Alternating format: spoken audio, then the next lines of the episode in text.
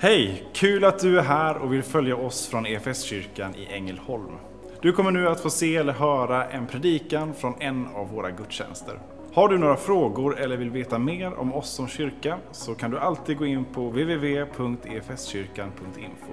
Vill du ha tillgång till mer undervisning eller ta del av våra inspelade konferenser eller gudstjänster gå gärna in på vår play-kanal efskyrkan.tv. Nu ska vi lyssna på denna veckas predikan. Vet inte om du någon gång har varit på besök i en annan stad och tänker att eh, här eh, känner jag väl ingen riktigt. Och så helt plötsligt så får du syn på någon du känner som du inte hade väntat och träffa dig där. Vad är det för känsla som infinner sig då? Jag minns en gång när jag var i Göteborg, eh, flera år efter att jag hade flyttat därifrån. Och som eh, alla andra jag kände i Göteborg när jag bodde där så hade de också flyttat därifrån i princip. Och Göteborg är en stor stad. Men under en dag i Göteborg där så först i Brunnsparken stötte jag på en gammal bekant. Sen gick jag förbi ett café eh, längre upp mot Kungsportsplatsen. Där satt en annan. Och sen på en konsert på kvällen mitt i folkvimlet så träffade jag på två stycken från min gamla gymnasieskola som också var inne i stan på besök. Eh, och alla de här mötena med bekanta ansikten folk som jag kände, gav liksom någon form av eh, eh, värme eh, och en, en, en smula trygghet mitt i storstan för en liten eh, bruksortspojk som jag. Jag tror att någonting av den här eh, igenkänningen, det är vad vi eh, kan få i ett möte med Jesus, men eh, något otroligt mycket större, otroligt mycket djupare än det. Och vi kan få det också eh, fast att vi aldrig har mött honom förut. Eh, därför att möta Jesus det är någonting annorlunda än att möta, springa på en gammal bekant på stan. Eh, vi ska läsa från Johannes evangeliet kapitel 10, de första tio verserna. Sannerligen, jag säger er, den som inte går in i fårfållan genom grinden, utan klättrar in på ett annat ställe, han är en tjuv och en rövare. Men den som går in genom grinden är fårens herde. För honom öppnar grindvakten och fåren hör hans röst. Och han ropar på sina får med deras namn och för ut dem.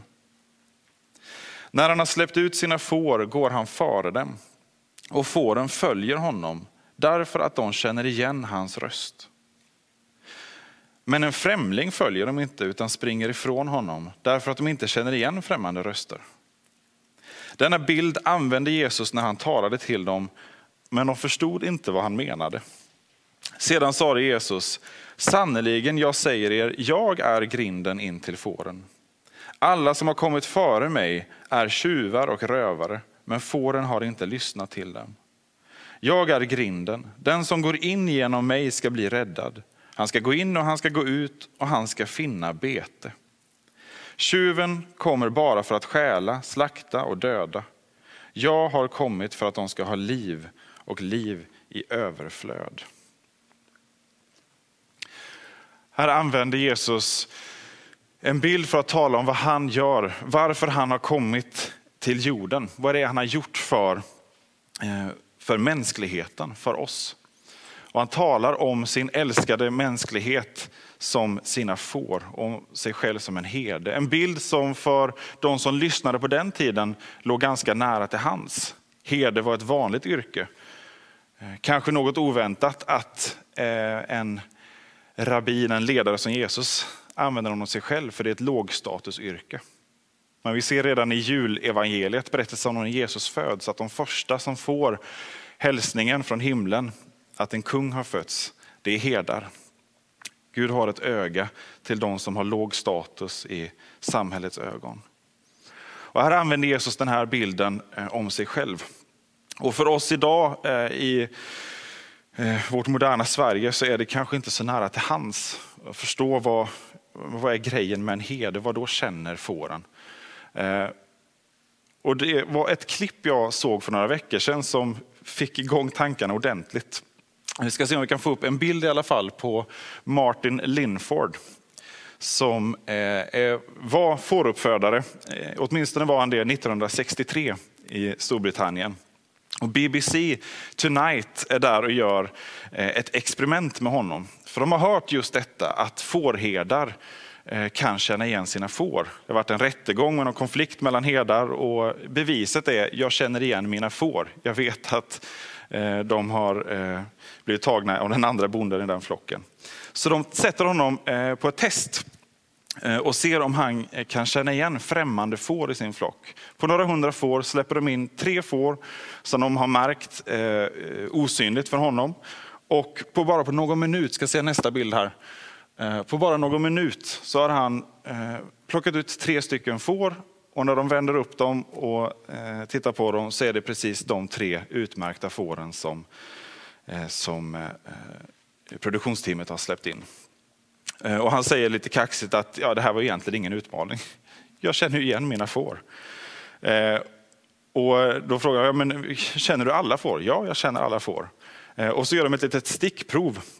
Du kan se nästa Eh, bild där eh, de går ut och bara plockar slumpartat får. Och så eh, frågar de honom vad det är för får.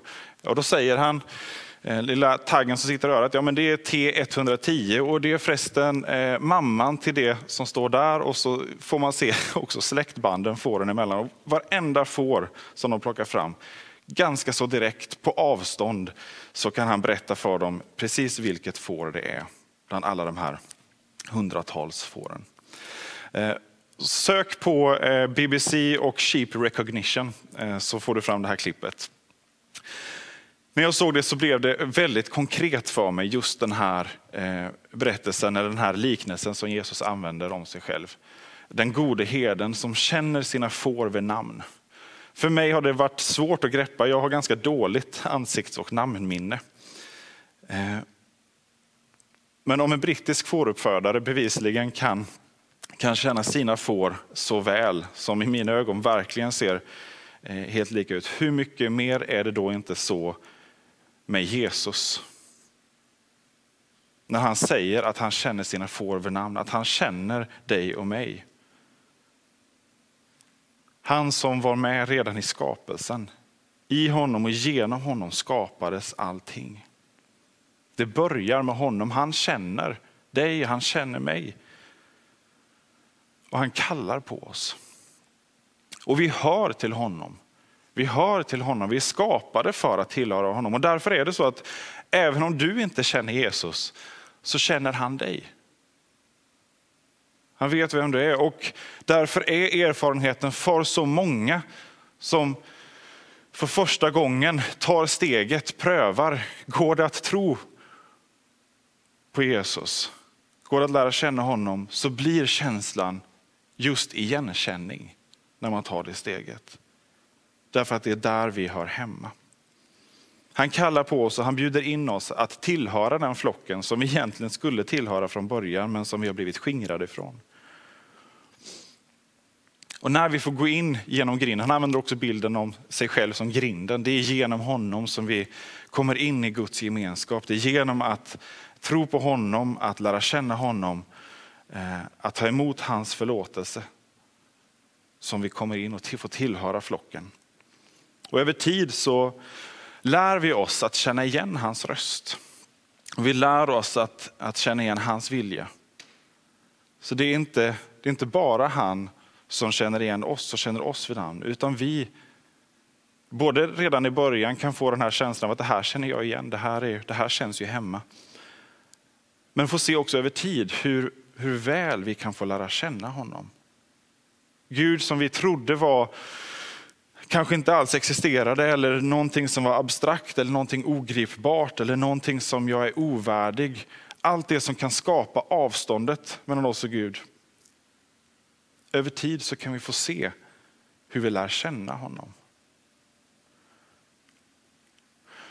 När jag var ung så hade jag en god vän som Eh, hade får.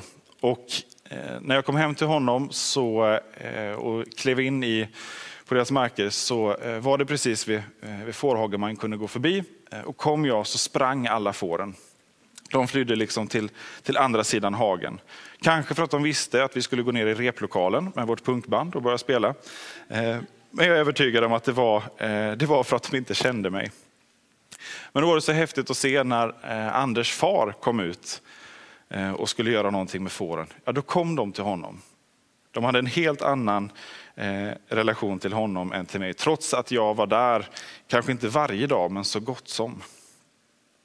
De kände igen honom, de kände igen hans gestalt, hans uppenbarelse, hans kroppsspråk, hans röst.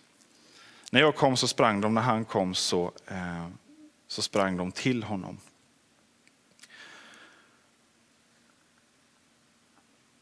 Vi kan få lära känna Jesus så att vi känner igen honom. Också i de mest oväntade situationer, också i de situationer där vi, där vi tror kanske att vi har tappat, eh, tappat blicken på honom.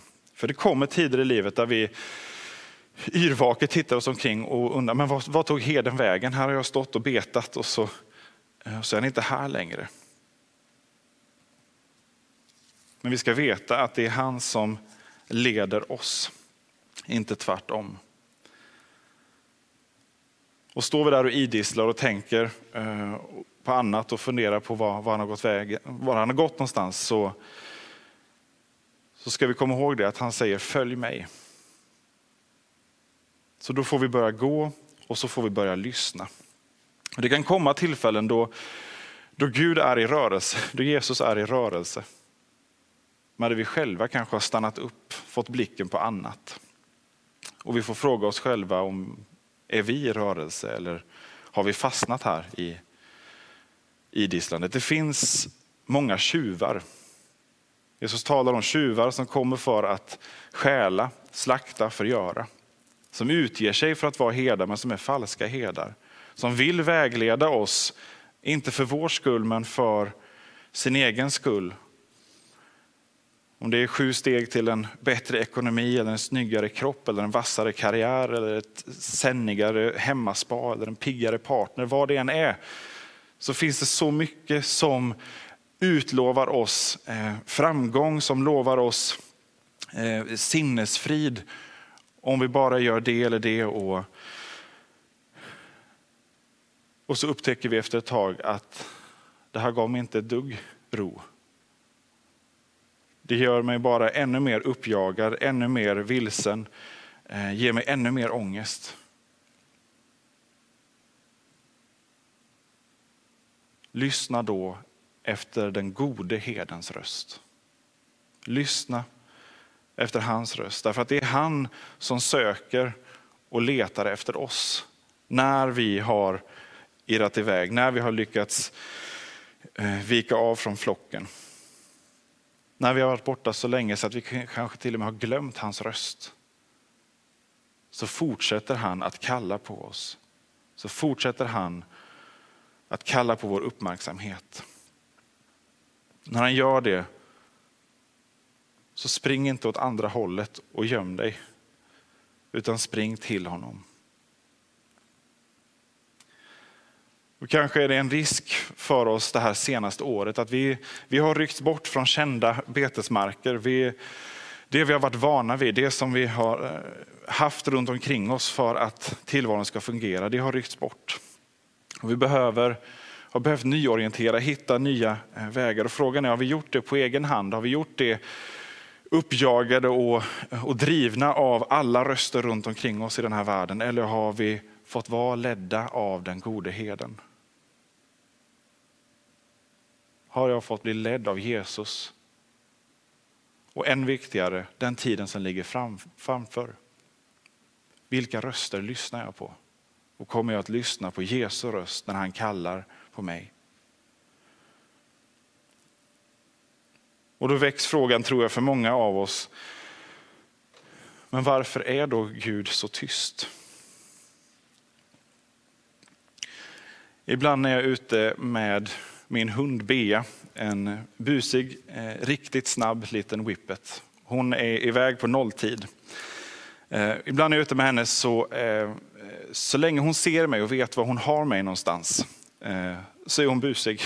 Då håller hon sig på avstånd och springer hon runt. Eh, och då gör jag så ibland att jag gömmer mig. Jag ställer mig bakom ett träd, gömmer mig och när hon efter en stund inser att nu vet jag inte vad husse är, då börjar hon lyssna. Då blir hon mer vaksam och så kan jag kalla in henne. Jag tror att Gud ibland är tyst just för att få oss att lyssna. Jag tror att han använder det också. Han kan kalla på oss också i tystnaden. När det är så mycket, vi är vana vid så mycket brus, så mycket som intryck, så kan Gud också använda tystnaden. För att skaka om oss, för att väcka längtan i oss, för att få oss att börja lyssna. Där vi har varit vana vid att bara springa på, så kan också tystnaden vara ett sätt som Gud talar till oss. Om vi ska följa hans röst och lära oss att lyssna till den, så låt oss få fundera också på var du hör den. Var har du hört Guds röst tidigare? Var finns det för möjligheter att få, få höra den? Den finns i bibelordet, i, i bönerna, i lovsångerna, i tilltalet från en vän, men också i, i tystnaden och stillheten och långsamheten. Och oavsett var, var den finns, så lita på att Jesus talar till dig. Lita på att han är en god herde som vill föra dig till en plats där du finner sant liv. Mat för ett liv som, som håller, mat som mättar, inte bara kroppen utan eh, till anden och själen. Lita på att vad det än är som har fått dig att springa bort från flocken, vad det än är som, som gör att Gud känns långt borta, så är Jesus nära, så är Jesus där, där han har koll på dig, där han känner dig vid namn. Där han vet vem du är, han vet vad du längtar efter, han vet vad du kämpar med. Han vill tala till dig, han vill ta dig eh, i handen. Han vill lyfta upp dig på, på axlarna som vi ser på ikonen där. Han är den gode herden som ger sitt liv för fåren. Och nu ska vi få möjlighet att, eh, att få söka oss tillbaka till herden. Vi ska få be om förlåtelse för vår synd, bekänna vår synd eh, och lita på att eh, han förlåter oss och ger oss en ny frimodig ande. Vi ber. Som kyrka är det en glädje att få spela en liten roll av allt Gud gör i och genom ditt liv. Vi vill gärna fortsätta följa dig på den resan. Och vill du ta reda på vad ditt nästa steg kan vara på din resa med Gud så gå in på efskyrkan.info nästa steg. Vår längtan är att få se människor och samhällen förvandlade av Jesus. Genom en kyrka som återspeglar Guds hjärta, bär varandra och betjänar människor varhelst vi befinner oss varje dag.